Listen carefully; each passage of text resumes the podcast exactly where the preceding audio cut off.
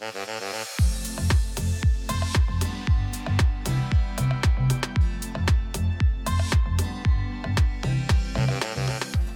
Добро пожаловать на подкаст «Касса здоровья». С вами я, Маргарита Купченкова, специалист по коммуникации от Кассы здоровья. И сегодня мы поговорим о клещевом энцефалите с нашими гостями, главным специалистом отдела контроля инфекционных заболеваний Департамента здоровья Ириной Филипповой, а также у нас в гостях руководитель отдела вирусологии и иммунологии, старший научный сотрудник Института развития здоровья Юлия Геллер. Вместе мы поговорим а, об этом заболевании, насколько распространен клещевой энцефалит в природе в Эстонии у клещей и о том, как от него защитить себя. Начнем, может быть, с того, может, Ирина, вы расскажете нам, что это за заболевание, кратко, и приступим дальше к вопросам. Клещевой энцефалит – это вирусное заболевание, которое передается а, с укусами клещей – через кровь.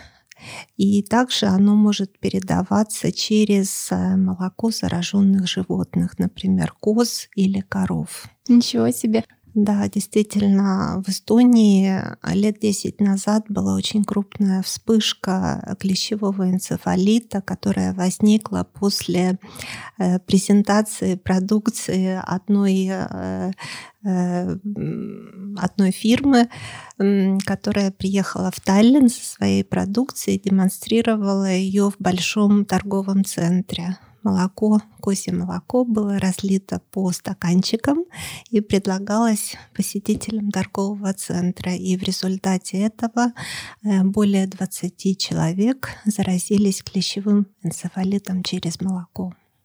Я даже представить себе такого не могу. Ничего себе. То есть, ну, сейчас, я так понимаю, после этого случая, наверное, все-таки как-то проверяется продукция, да, более контроль, наверное, более тщательный. Продукция проверяется, но тем не менее а, каждый потребитель должен быть очень осторожен а, при употреблении э, молока или молочных продуктов, купленных не в магазине. Поэтому покупать продукцию только у проверенного производителя и а, быть э, всегда настороже в отношении симптомов клещевого энцефалита. Если честно, для меня это что-то вообще по какой-то большой сюрприз. Даже, даже не подумала бы, что так, что так можно заразиться. А насколько вообще распространен энцефалит вот в природе у, у клещей, скажем так, наших эстонских? Ну, тут э, надо сказать, что очень э, много зависит от места. То есть э, клещевой энцефалит – это природное очаговое заболевание. То есть, и оно, как Ирина уже сказала, оно вирусное распространенность э, на территории Эстонии, в клещах в том числе, оно не, неравномерное.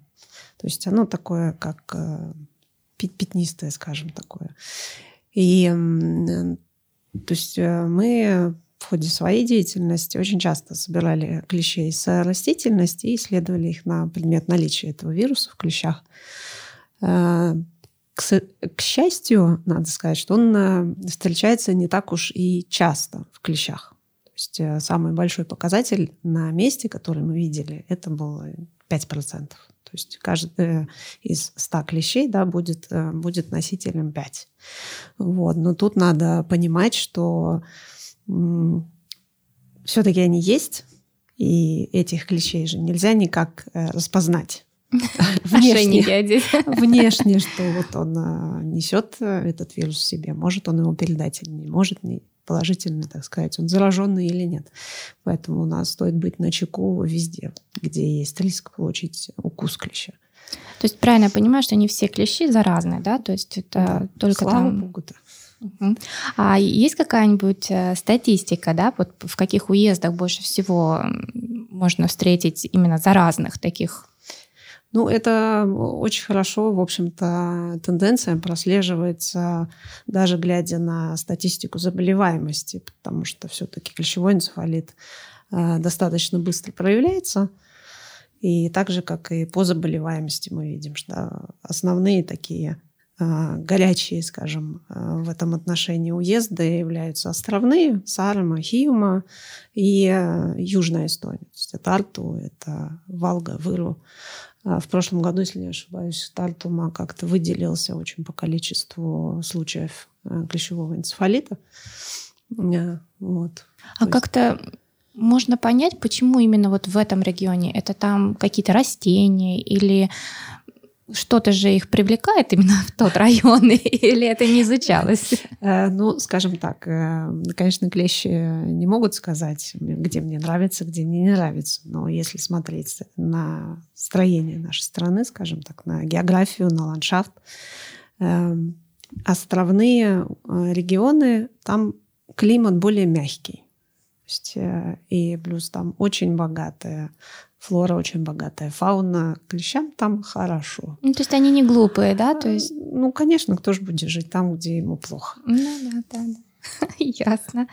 Интересные все-таки существа, наверное, или как их правильно назвать.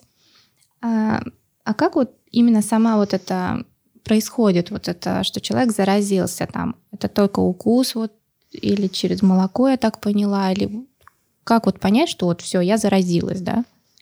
Э, ну, понять это вначале сложно, до того, как появились симптомы. Во-первых, э, нужно признать факт укуса клеща. Если ты нашел на себе клеща, который уже а, сделал в коже отверстие и питается кровью, значит, можно понять, что какой-то риск заразиться есть. Мы не знаем, зараженный это клещ или нет. Если есть контакт с клещом, значит, можно уже понять, что есть этот риск.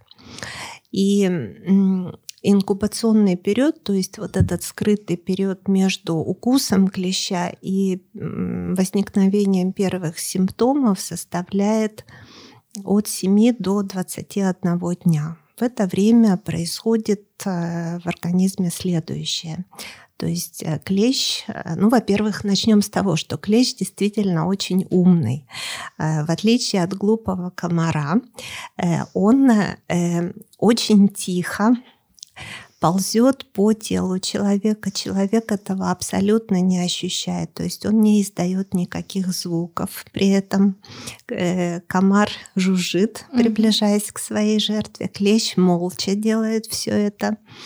Э, клещ ползет по коже человека и ищет места, где кожа наиболее тонкая, где сосуды прилегают очень близко к поверхности кожи, где он э, наименее доступен. Он останется э, незаметным. Останется сказать, незаметным. Да, Э, хорошенько прикрепиться и, так сказать, закончить свою трапезу. То есть его да, не, не, не сдерет э, ну, все-таки э, клещ природный, да, то есть ему по большому счету без разницы, это будет животное или человек, да, поэтому так эволюционно сложилось, что то есть он э, выбирает те места, где, если мы говорим о животных, там рогами не сдерут, э, там, а обделивание оботрутся, и он не... Ну, не если, скажем, пришли туда к животным, да, то есть получается, в принципе, он же может на животное вот это заползти, его не трогать, а там это кошка или собака или еще какое-то животное, которое домой пришло, через него он, он может как бы к человеку попасть. Да. То есть да, он не сразу кусает, да, то есть он все-таки выискивает, выжидает что-то. Да, да. И в общем-то следует сказать, что э, Почему следует э, проверяться на наличие клещей не только сразу после возвращения с какого-то так сказать, природного места, парка, леса, поля, э, пикника, занятий спортом в, в каких-то природных тропах и на, на, природ, на таких уличных площадках. Да, или там диск-гольф у нас очень популярен. А, а также вечером, через несколько часов, еще на следующий день проверить всю одежду, потому что он клещ очень маленький, он запрячется куда-нибудь, и человек может на следующий день одеть тот же самый шарфик, и получить э, укус клеща уже не, не, собственно, не находясь и не прибывая уже в, э, на природе. То есть он пойдет в офис. И... Ну, то есть, как Ирина сказала, что это не комар, да, который прилетел, да. пожужжал и укусил, да, да. там. Да. То есть он такой хитренький. Да, кроме того, он э, пошел еще дальше, чем комар.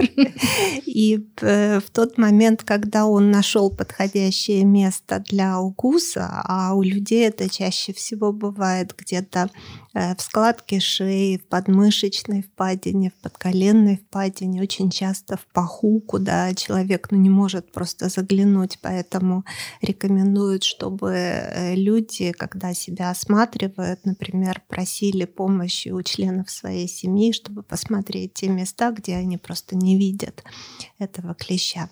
Когда клещ э, начинает присасываться к коже, делать там отверстия, он э, выпускает свою слюну, в которой есть э, обезболивающее вещество, чтобы жертва не почувствовала этого укуса, потому что жертва, если чувствует укус, она ну, инстинктивно ре- реагирует mm-hmm. и может его сбросить, удалить и так далее. А клещ э, вот в своей эволюции пошел так далеко, что он обезболивает это место, и человек просто не чувствует а, вот этого самого процесса, когда э, клещ начинает питаться кровью. И поэтому он может совершенно беспрепятственно так находиться несколько дней на коже человека и э, вырасти до больших размеров с горошину, когда уже он становится на ощупь чувствителен, и тогда человек его снимает. И э, наевшийся клещ, он довольно легко снимается, потому что у него уже нет мотивации так много, э, он уже насытился, и он отделяется довольно легко. А вот голодный клещ, который только что сделал отверстие и начал э, питаться кровью, его снять довольно сложно. Поэтому когда вы удаляете клеща, то это нужно делать очень осторожно при помощи специального пинцета. Лучше всего они продаются в аптеке, и нужно совершать такие раскачивающие движения, чтобы выделить клеща вместе с головкой и с этими а, слюнными железами, в которых содержится, собственно, этот вирус. Хотя вот ученые а, говорят о том, что вирус содержится, в принципе, во всех органах клеща, но больше всего его содержится в слюнных железах. И очень важно удалить его именно со слюнными железами. А есть вот разница, вот, допустим, вот он инфекционный, да, клещ, а есть разница, ты снял его сразу, когда он еще а толком не успел там впиться, да, или уже пускай он тебя ест, ну как бы в этом плане, что эта скорость как-то влияет на то, что ты его снял да, или нет? Если мы говорим о клещевом энцефалите, в данном случае скорость является одним из основных факторов предотвращения э, заболевания. Э, во-первых, э, когда клещ, немножко вернемся, да, когда он вот находит это место, мало того, что он его обезболивает, у него там целый, целый набор всяких всевозможных веществ, он приклеивается к этому месту. То есть, опять же, это не комар, да, как иголочка такая, а клещ прям вот приклеивается для того, чтобы вот начать пить и закончить а, успешно вот весь этот процесс, который длится днями. Да, и у него выработаны все эти механизмы, чтобы Э, прикрепиться как можно надежнее и, э, в общем, довести это дело до, до конца. Вот. И это место не, чер... не просто не болит, а, но там и антигистамины, то есть оно не чешется, там очень много веществ. И э, вирус клещевого энцефалита, как Ирина уже сказала, действительно он так сказать, обитает в слюных железах клеща, да, то есть, а это именно та самая первая жидкость, которую клещ э, впрыскивает в кожу для того, чтобы и приклеиться, и для того, чтобы, собственно, обезболить это место и так далее. Поэтому время здесь действительно критическое. То есть чем сказала. раньше, тем лучше. Тем раньше, да? тем лучше, да. А э, как бы есть вот такой как бы совет, да, человеку, ну вот он его смахнул, желательно вот его куда-то положить, да, и все-таки отвести, проверить, возможно, да, там больной он был или нет, ну чтобы для себя, для уверенности. Эм, здесь э, я как э, человек, который, собственно, клещей так и проверяет, могу сказать, что, конечно, возможности есть да, возможностей много, и они есть. А другой вопрос, а надо ли это делать? По своему опыту могу сказать, что, а, во-первых, э, человек может э, принести одного клеща, будь он просто там, ну, то есть не успел еще да, присосаться, э, или же уже присосался. Вот он одного клеща заметил, мы его протестируем, допустим, он окажется негативным, и не дай бог человек получит все-таки вирус клещевого энцефалита от другого клеща, которого он не заметил. Угу. Да? А, все-таки клещей в природе достаточно много, они а, в своей стадии развития, они разного размера, бывают настолько маленькие, которых ну, не увидеть, просто не заметить очень просто. И это первое. И второе, опять же, а, при аспекте времени мы можем протестировать э, клеща точно так же, как мы делаем с теми, которые мы собираем с травы, например, так называемый голодный клещ. Он будет положительным. Э, человеку это, кроме чувства паники, не добавит э, ничего. И даже то, что клещ, вот он положительный носитель этого вируса, мы не можем с точностью сказать, передал ли он этот вирус, достаточно ли количество переданного вируса для того, чтобы у этого конкретного человека развилось заболевание. Очень много и это показано в научных публикациях, что большая часть, так сказать, переданного вируса, то есть на, так сказать, а, по-русски элиминируется, да, или э, остается, то есть она не развивается в болезни людей на самых первых этапах. То есть он передается в, кожу, ну, у человека есть э, первичная иммунная система, первичный иммунный ответ – и этот вирус, он э, дальше не развивается, то есть даже, даже температуры не будет. Человек не узнает. А клещ при этом будет положительный. То есть, и... Ну. то есть правильно понимаю, что группа риска, да, вот э, кто может э, заболеть, да, допустим, даже вот больной клещ, да, кого-то укусит, он заболеет, а кого-то нет, правильно понимаю? Это не исключено, конечно. То есть есть какие-то группы, которые более, скажем так, быстрее эту болезнь себе принимают. Э, да, несомненно, но это касается любого заболевания. Есть определенные группы риска, опять же, люди с э, какими-либо иммунными недостаточностями или э, хроническими заболеваниями. Зачастую это люди более старшего возраста. То есть, ну, это уже такой... А есть какие-то вот э, стандартные такие симптомы, да, что вот человек вот себя как-то плохо ли почувствовал или что? Вот как понять, что вот тебя, возможно, укусил клещ?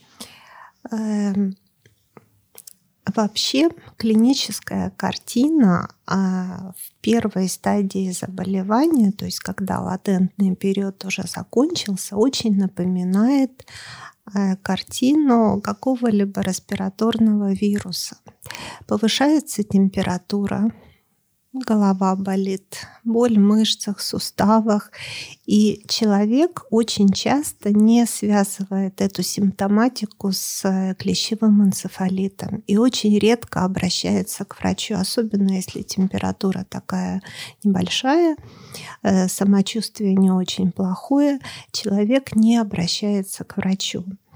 И затем, после нескольких дней, наступает ремиссия. У некоторых людей эта ремиссия наступает уже навсегда, то есть человек переболел вот этой первой фазой клещевого энцефалита, выздоровел и все. На этом его заболевание заканчивается, и у него в крови появляются защитные антитела, э, которые его защищают уже всю жизнь. Э, то есть человек, переболевший энцефалитом, получает стойкий пожизненный иммунитет. Но у 20-30% пациентов наступает вторая фаза после ремиссии, то есть после выздоровления после первой вот этой фазы, такой более, ну скажем, общей симптоматики, когда человек не связывает это с клещевым энцефалитом, наступает примерно 7-8-дневная ремиссия, и потом начинаются очень тяжелые симптомы очень сильная головная боль, ригидность э, затылочных мышц, то есть невозможно человеку наклонить голову вперед, у него мышцы шеи становятся каменные, у него появляется спутанность сознания, вплоть до потери сознания. То есть присоединяются симптомы э, менингита, энцефалита, когда вирус проникает уже в клетки э, нервной системы. У него могут появиться э, нарушения чувствительности конечностей, вплоть до парезов и параличей, какие-то двигательные нарушения. Вот в этой стадии, конечно, человек уже э, вынужден обращаться и искать врачебной помощи. Такие больные госпитализируются, но, к сожалению, э, специфическое лечение отсутствует, и э, пациентов лечат симптоматически, то есть чтобы облегчить симптомы его заболевания, облегчить состояние больного. И у таких больных э, могут быть очень тяжелые последствия в связи вот с этим заболеванием. То есть э, человек э, может стать инвалидом, потерять зрение, слух, обрести какие-то параличи. Чаще всего это параличи верхних конечностей и э, может измениться даже личность человека, поведенческие какие-то реакции. То есть невозможно предсказать, как тяжело переболеет тот или иной человек клещевым энцефалитом. И, как Юлия уже сказала, очень много зависит от того, как долго клещ был на коже, как много вируса он передал этому человеку. То есть, в принципе, маленькая букашка, но может навести, нанести такой большой вред, да, то есть последствия такие. Ну да. И э, существует очень много типов вот этих иксодовых клещей, э, которые э, несут в себе эти вирусы. Существует много типов вирусов, которые вызывают клещевой энцефалит. И они э, подразделяются на такие три основные группы. Это европейские вирусы, которые паразитируют на европейской территории, мира и вирусы э, таежные, дальневосточные и сибирские, которые более злые, чем наши европейские вирусы. И, и очень интересная история вообще открытия этих вирусов. Э, вся эта история началась в 1930-х годах, когда на территории Дальнего Востока России появилось вот такое вот тяжелое заболевание – как среди местного населения, так и особенно среди а, военных, которые находились на вот этих дальневосточных территориях. Смертность была край, крайне высокой, она составляла 20-30% от всех заболевших. И правительство решило направить в эти края экспедицию, которая состояла из э, ученых, медиков разного профиля. Там были вирусологи, энтомологи, микробиологи, патологи, иммунологи, неврологи. В общем, все те э, специалисты, которые могли бы хоть как-то пролить свет на это заболевание. Сначала была такая теория, что это Э, так называемый японский летний энцефалит, заболевание, которое было на территории Японии, оно было открыто в 1922 году, и считали, что это то же самое заболевание, но уже на территории Дальнего Востока. Была теория, которая связывала это заболевание с полиомиелитом, то есть заболевание, которое вызывает Э, как последствия параличи, но потом от этой теории быстро отошли, потому что Э, полиомиелит поражал в основном нижние конечности, а в результате э, клещевого энцефалита поражались верхние конечности. И, и в общем-то, эта экспедиция за три месяца своего пребывания на Дальнем Востоке выявила вирусную природу этого заболевания, а, проследила клиническую картину, которая возникает в результате этого заболевания, и чтобы лучше понять процессы, происходящие в организме человека, некоторые и члены этой экспедиции даже пошли на то, чтобы заразить себя этим вирусом и поэтапно проследить развитие вот этой клинической картины и что чувствует сам человек, ну, боле, понять, болея да? клещевым энцефалитом. И в результате этого э, один из этих ученых э, получил параличи, другой потерял зрение, третий оглох, Э, у четвертого возникли какие-то психозы на, э, как результат энцефалита. То есть это была очень драматическая история э, изучения этого клеща, но тем не менее была выявлена клещевая, была выявлена вирусная природа этого заболевания. И также был выделен из крови больных были выделены специфические антитела, которые потом применялись для лечения тяжелых больных. Но этот метод имел свои тоже э, такие негативные стороны, но, по крайней мере, он дал идею для м, разработки вакцины против клещевого энцефалита. И вот такая вакцина появилась в 1941 году она тоже имела свои такие негативные стороны, очень много побочных эффектов, но оказалась довольно эффективной для предотвращения энцефалита. И параллельно с российскими учеными энцефалит изучали также ученые Австрии и Германии. В этих странах Энцефалит тоже был очень распространен, но там другие вирусы, более мягкие. Э, и австрийские и немецкие ученые тоже искали возможность создать вакцину. Э, но европейская вакцина была создана на, 10, на 20 лет позже, чем, чем российская. И в какой-то момент возник вопрос э, – защищает ли европейская вакцина от Э, вирусов, которые передаются таежными клещами, и защищает ли э, вакцина, которая разработана на основе этих таежных э, вирусов от европейских клещей.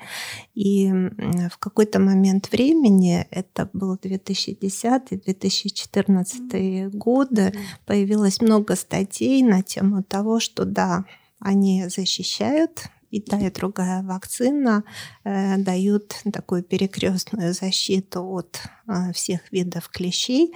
И насколько я знаю, мы сейчас живем с этим знанием. Правильно понимаю, что есть вот какие-то меры профилактики, да, чтобы себя, то есть вакцина, да, чтобы себя защитить от вот этих ужасных последствий, которые могут случиться, если тебя укус, укусит клещ. Может быть, мы вот э, об этом немножечко поподробнее поговорим. Что за вакцина, когда ее лучше делать, кому. Вот. Я думаю, это было бы очень интересно. Э, на сегодняшний день у нас в Эстонии есть две вакцины, которые мы используем от клещевого энцефалита. Это вакцина Энцепур и э, вакцина Тикавак. Э, обе эти вакцины Э, существует как э, в детской формуляции, так и во взрослой. Вакцина Энцепур используется для детей, э, начиная с 1 года до 11 лет, и начиная с 12 лет используется взрослая вакцина Энцепур. Вакцина Тиковак детская от 1 года до 15 лет, и начиная с 16 лет – используется взрослая вакцина.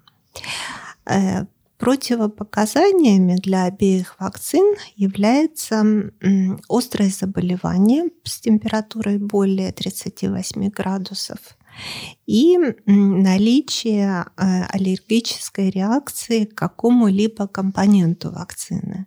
Мы знаем, что все вакцины состоят из основного вещества и каких-то э, вспомогательных веществ, которые э, обеспечивают э, стабильность вакцины. Это консерванты, это стабилизаторы, это регуляторы кислотности, это адъюванты. То есть все те вещества, которые а, делают вакцину стабильной и способствуют э, лучшему формированию иммунитета. И вот если человек точно знает, что у него, например, аллергия какому-то конкретному веществу, то при, придя на прием к вакцинатору, он обязательно должен об этом сказать. Но это э, казуистика, когда человек знает о том, что у него есть аллергия к какому-либо компоненту. Чаще всего человек этого не знает, и это проявляется только после первой дозы вакцины. То есть если у человека возникает тяжелая аллергическая или анафилактическая реакция, то ему вторую дозу просто не делают. Но это бывает очень-очень редко. Правильно понимаю, что э, вакцинация э, то есть не одна вакцина, а в нескольких этапах, да?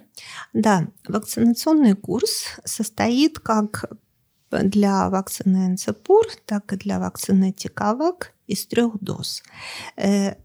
Интервалы между дозами немножко отличаются, э, э, если сравнивать эти две вакцины, но основное правило такое, что интервал между первой и второй дозой это 1-3 месяца, и между второй и третьей в отношении вакцины Энцепур это 9-12 месяцев, у Тиковака 5-12 месяцев. То есть, ну, примерно вот такие интервалы.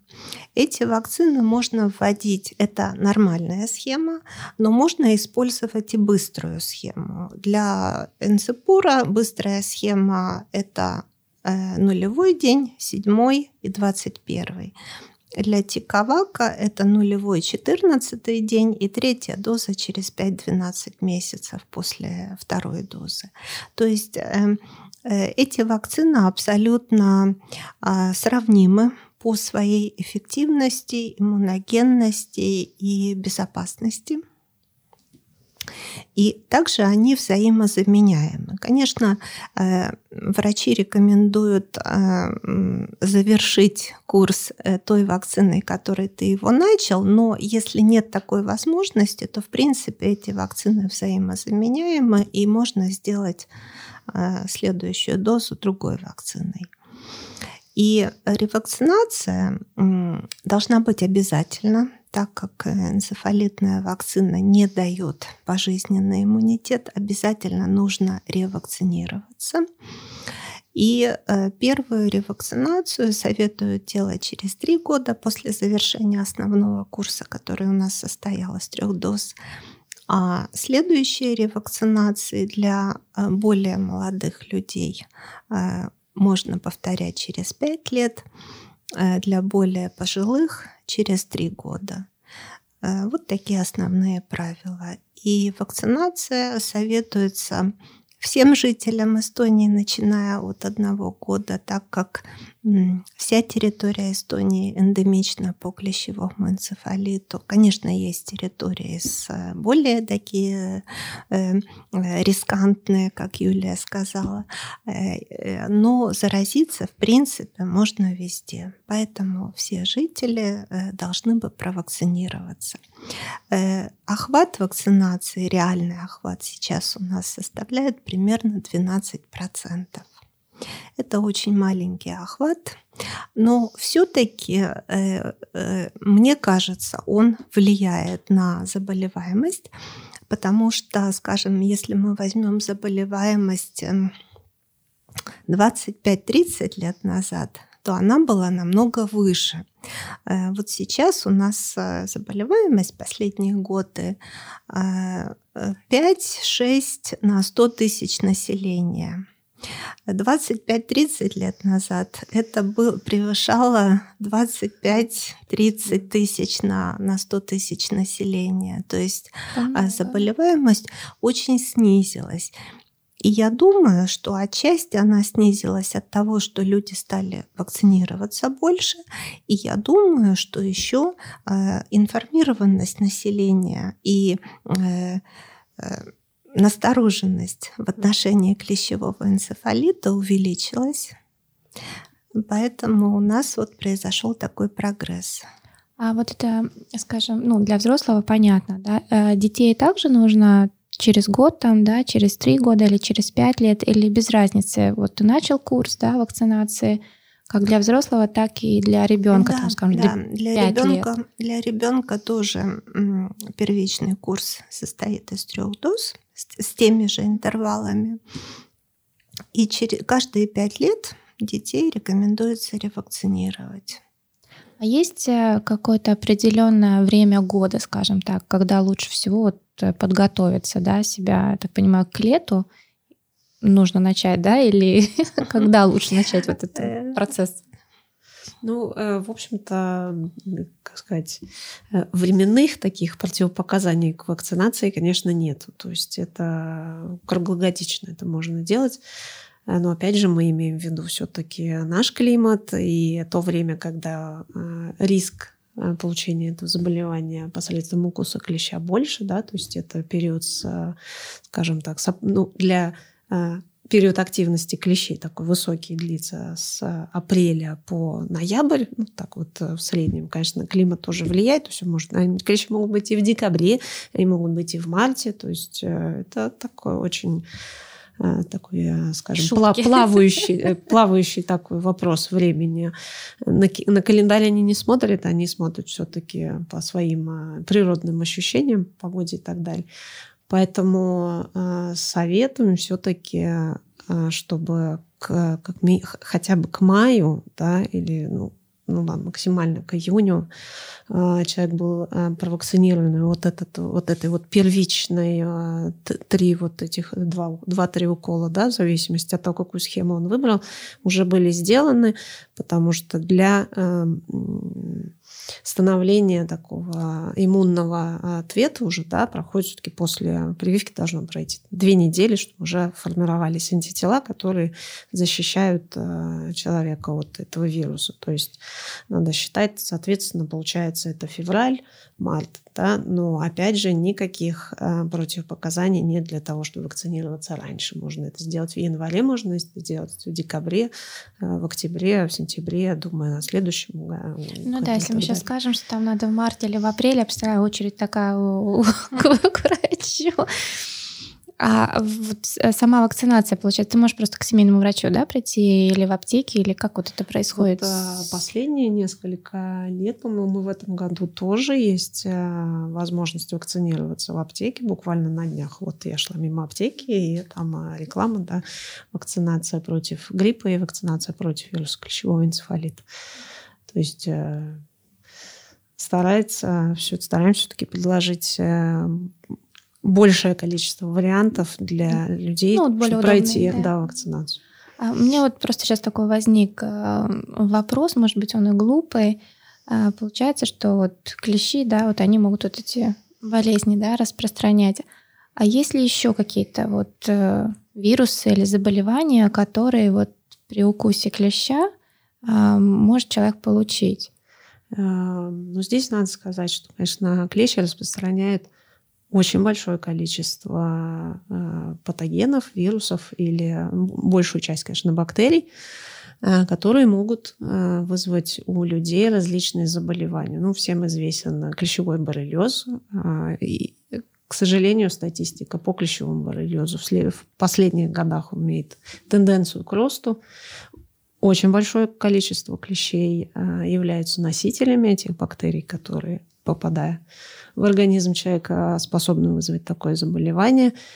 А, но возвращаясь к теме вакцинации, а, вакцина существует только, если мы говорим о клещевых инфекциях, только против одного заболевания, и это вирус клещевой энцефалит, да, и вирус клещевого энцефалита. Эта, бактерия, эта вакцина не защищает от других болезней, она не защищает от э, самого факта укуса клеща. То есть э, одна вакцина, одна болезнь. Ну, то есть, получается, скажем, у нас все-таки энцефалит, я понимаю, э, более распространен, да, то есть, в принципе, скажем так, посоветовать людям сделать эту вакцинацию, да, пройти э, Здесь э, следует сказать, что клещевой энцефалит из известных, по крайней мере, пока в Европе клещевых заболеваний – он не самый распространенный, но самый опасный. Опасный. Он самый опасный. А, вот Елена уже клиническую картину рассказывала. И более того, кроме того, что само заболевание, да, оно очень тяжело идет, оно очень опасно. Могут быть смертельные случаи, и э, последствия могут быть очень, так сказать, долгоиграющими.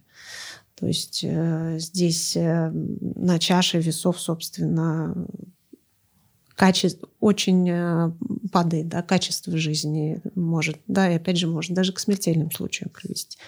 Вот. Остальные клещевые э, инфекции, они больше, по большей части бактериальной природы, они поддаются лечением э, антибиотиками, вот, и они не такие тяжелые, то есть против них есть лечение, против клещевого энцефалита специфического лечения нет. Здесь, uh-huh. здесь есть вакцина. Там есть лечение, нет вакцин. А, что касается распространенности э, тех или иных э, заболеваний, так скажем, в клещах, да, опять же, вируса клещевого энцефалита в клещах, э, ну, как мы находили ну, не больше 5%. Вот в каких-то вот отдельно взятых точках, так сказать. Это нельзя а, раскидывать по всей Эстонии. Где-то может быть больше, мы, может, еще об этом не знаем. Где-то меньше наверняка. Э, по другим а, патогенам а, тех же возбудителей боррелиоза в клещах может быть до 40%. То есть каждый второй клещ может быть носителем бактерий, которые вызывают боррелиоз. В том числе, например, эм, клещи переносят еще возбудителей анаплазмоза. Э, есть такое заболевание, как эрлихиоз. Э, есть э, заболевание, есть бактерии, которые также относятся к боррелиям, но они не вызывают боррелиоз такой классический, как люди знают, есть возвратные лихорадки. Они тоже есть в клещах. Пока по заболеваемости сказать ничего нельзя в Эстонии все, но мы не знаем. Мы знаем только вот, что в клещах есть. Да? То есть около 6-7 э, видов различных э, патогенов, да, которые могут вызвать заболевания у людей в наших клещах э, присутствуют, циркулируют, и их распространенность гораздо выше, чем вирус клещевого энцефалита. Просто те заболевания зачастую без симптома, проходят без симптоматики. И если есть симптоматика, заболевание лечится. Клещевой энцефалит очень опасен. А, вот вернусь обратно э, к этим симптомам, да, вот, допустим, я знаю, что я там за грибами ходила, да, а, и там через какое-то время почувствовала какие-то симптомы, которые Ирина описала. Мне стоит как вот э, куда бежать сразу в ЭМО, да, там, или к семейному врачу, с чего, или в аптеку, или с чего мне вот начинать? Я думаю, что э, вы должны исходить из тяжести ваших симптомов. Если вы почувствовали такие гриппоподобные симптомы и четко связываете их с походом в лес, то уже у вас должна быть настороженность в отношении клещевого энцефалита, и вы можете обратиться с этим к своему семейному врачу. Не надо сразу бежать в ЭМО, если у вас нет какой-то критической ситуации начинать с семейного врача. Семейный врач назначит вам анализы, если вы э, ему скажете, что вот я связываю эти симптомы с походом в лес, я обнаружила на себе клеща, и, возможно, у меня энцефалит, то у врачей, наших эстонских врачей, есть настороженность в отношении клещевого энцефалита, и она назначит вам анализ, и если будут обнаружены иммуноглобулины М, которые показывают острую инфекцию, то да, врач скажет, что вот у вас клещевой энцефалит, и, пожалуйста, следите за, своим, за своей симптоматикой. Если она легкая, вы лечитесь дома, принимаете какое-то симптоматическое лечение. А если появляется симптоматика, о которой я уже говорила, какие-то менингиальные симптомы или энцефалические симптомы, то вы должны, конечно, искать помощи уже в больнице, и, и такие больные зачастую нуждаются в госпитализации. 70% а болеют э, ну, по крайней мере, так, что они э, не получают вот этих менингиальных симптомов, хотя и первая фаза тоже может проходить очень-очень тяжело. И наша статистика показывает, что 70, больных, 70% больных э, энцефалитом нуждаются в госпитализации. А, но э, я считаю, что это заболевание у нас не додиагностировано, то есть очень многие больные просто не обращаются к врачам с легкими симптомами, и на самом деле э, клещевым энцефалитом переболело гораздо больше людей, чем, чем показывает наша статистика. Они могут даже не знать, что они Они могут не да? знать об этом. И, ну, к счастью для них, они приобретают пожизненный иммунитет как вот здесь быть? Я не знаю, это может быть тоже глупо, да. А, вот я не знаю, переболела я или нет. Скажу честно, э, думаю о вакцине, что нужно ее сделать. А, могу ли я как-то проверить, есть у меня иммунитет к этой болезни или нет? Ну, те э, методы, которые так сказать, обще, общепризнанные, использующиеся в э, клинической лабораторной практике, насколько мне известно, они, собственно, базируются на том, там обнаружить антитела острой фазы или же уже, так сказать, состояние э, переболевшего человека, либо же э, вакцинировано.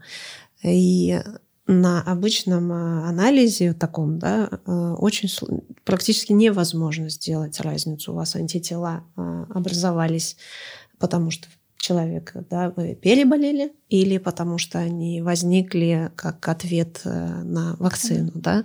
То есть это, для этого нужен специфический анализ, и, честно говоря, я, наверное, даже не знаю, есть ли у нас а, такое. Ну, если вы не вакцинированы против клещевого энцефалита, и у вас в крови обнаружены иммуноглобулины Г, которые показывают да. на, на то, что ты переболел, значит, вы действительно переболели этой инфекцией, и вакцинация вам не показана.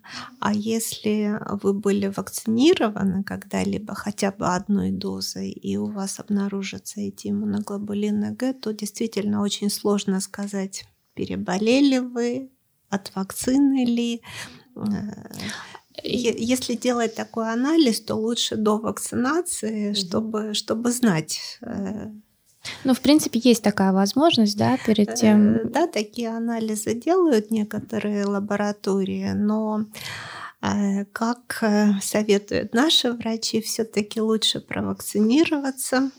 Ну, более это более надежный метод, и Единственное, если вы точно знали, что вы переболели клещевым энцефалитом, он у вас был диагностирован, угу. были определены иммуноглобулины М, которые показали острое заболевание, да, тогда у вас есть этот диагноз, и вы вакцинироваться не должны, потому что у вас стойкий природный иммунитет.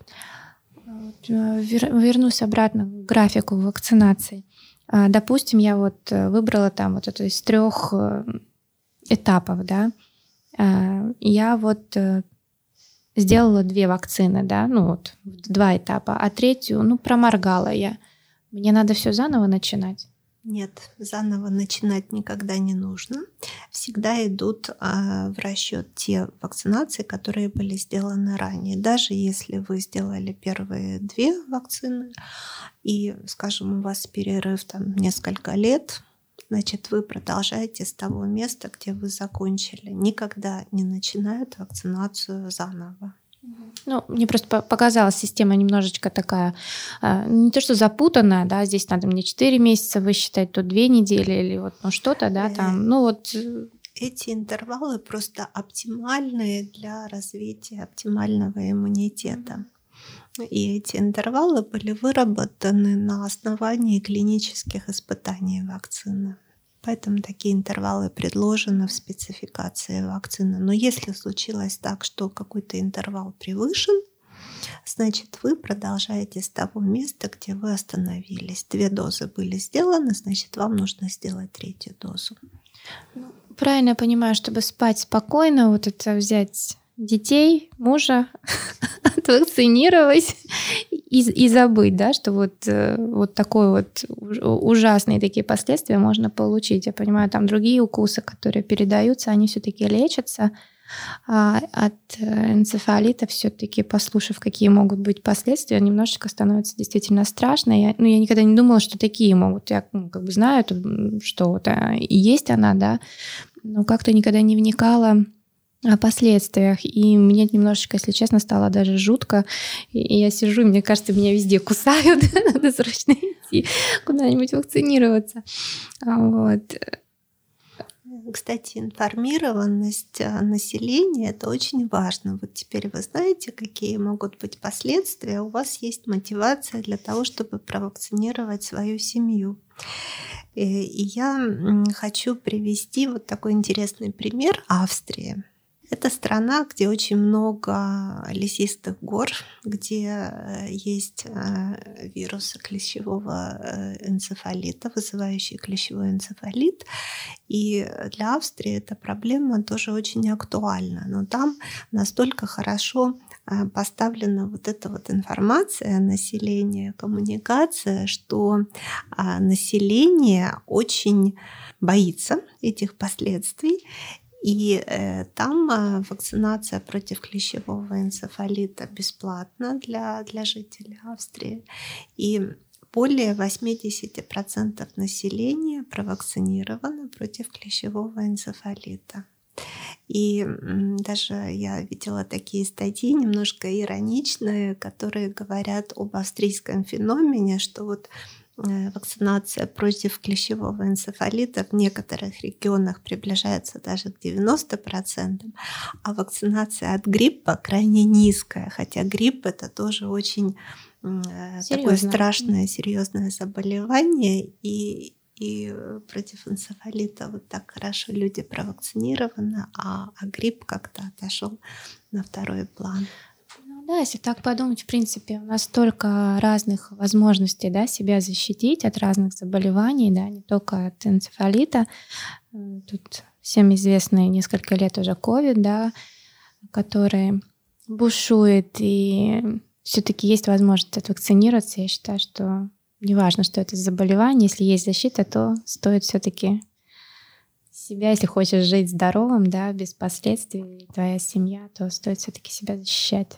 Да, вакцинация действительно самый такой мягкий а, и естественный путь получения защиты а, без каких-либо ужасных последствий получить иммунитет, иммунитет можно да. переболев, и можно провакцинировавшись, но болезнь это очень жесткий путь. Ну да, я только хотела сказать, что здесь не факт, что если ты переболел, что это все прошло легко и просто, да. да? Вакцинация это наиболее мягкий и естественный путь защиты, поэтому а, всегда нужно выбирать вакцинацию.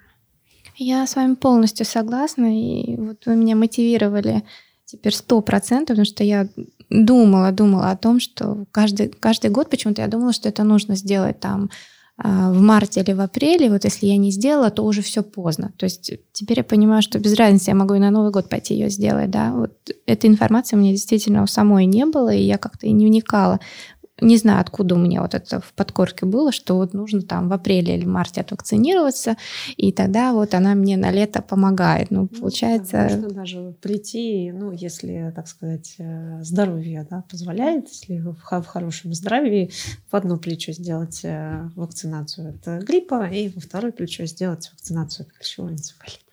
А, ну, да, да, можно и да, так. Это абсолютно правильно. А что вакцинацию от энцефалита можно комбинировать с другими вакцинами. Ну, вот у меня буквально здесь месяц назад, наверное, была ситуация, тоже пришла на обычный вот этот наш контроль здоровья, и тоже от гриппа ну, не делала раньше. И они мне предложили. Я как-то даже уже настолько не задумалась. Да, да, конечно, может быть, там лет пять назад я бы, наверное, сто раз подумала нужна мне сейчас вот эта вакцина, там уже вроде и не сезон, там или еще что-то.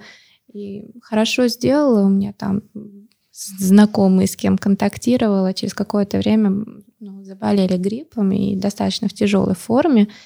И я не знаю, это вот так вот просто сошлись звезды, что я получила вакцину, и как раз там какой-то период прошел, когда я сконтактировала, что в принципе у меня ну, началось, да, вот этот иммунитет какой-то. И все ну, хорошо. Скажем так, э, возвращаясь назад э, к теме э, вакцины да, от клещевого энцефалита, как она появилась, когда, я считаю, что стоит заметить также, несмотря на то, что вакцина создана была да, уже можно так округлить, да, почти сто лет назад, это не значит, что вот э, тогда ее создали и до сих пор такую же, mm-hmm. да, мы же не говорим то же самое, такую же э, используют. А вакцины постоянно совершенствуются, то есть э, от того, что она создана, и ученые э, знают, как ее создавать, какие брать э, компоненты, в каких пропорциях это, это делается, совершенно не значит, что, так сказать, э, все сделано, сделано, можно ставить на поток и больше этим не заниматься. Нет, э, всегда ведется учет, в том числе и побочных эффектов, все вот эти рапорты, которые существуют, то есть это все берется в расчет, какие-либо изменения, в том числе, например, в самой структуре вируса, который, ну, это природный вирус, да, он, он циркулирует в природе, то есть там тоже что-то меняется, это тоже все берется в расчет. То есть это постоянно э, улучшается и в плане того, чтобы вакцина э, была достаточно эффективной против вируса, и в плане для того, чтобы вакцина была как можно более безопасной для человека, будь то взрослый человек или, или ребенок. Это тоже очень важная информация, что все-таки она регулируется, да, что не, не один штамм такой. И заболеть клещевым энцефалитом, привившись. То есть от прививки получить вирус нельзя. Mm-hmm. То есть только То есть... иммунитет получается. Да. да. Ну, наверное, мы подытожим э, нашу сегодняшнюю встречу, да, что спасибо вам большое, что вы пришли. Очень много интересной информации, мотивации. А, что люди все-таки должны вакцинироваться, если есть такая возможность, неважно какая, как, от какой болезни. Да, сегодня мы говорили о клещевом энцефалите. А, болезнь страшная, последствия ужасные, и все-таки хотелось посоветовать людям, что вакцинируйтесь. Спасибо.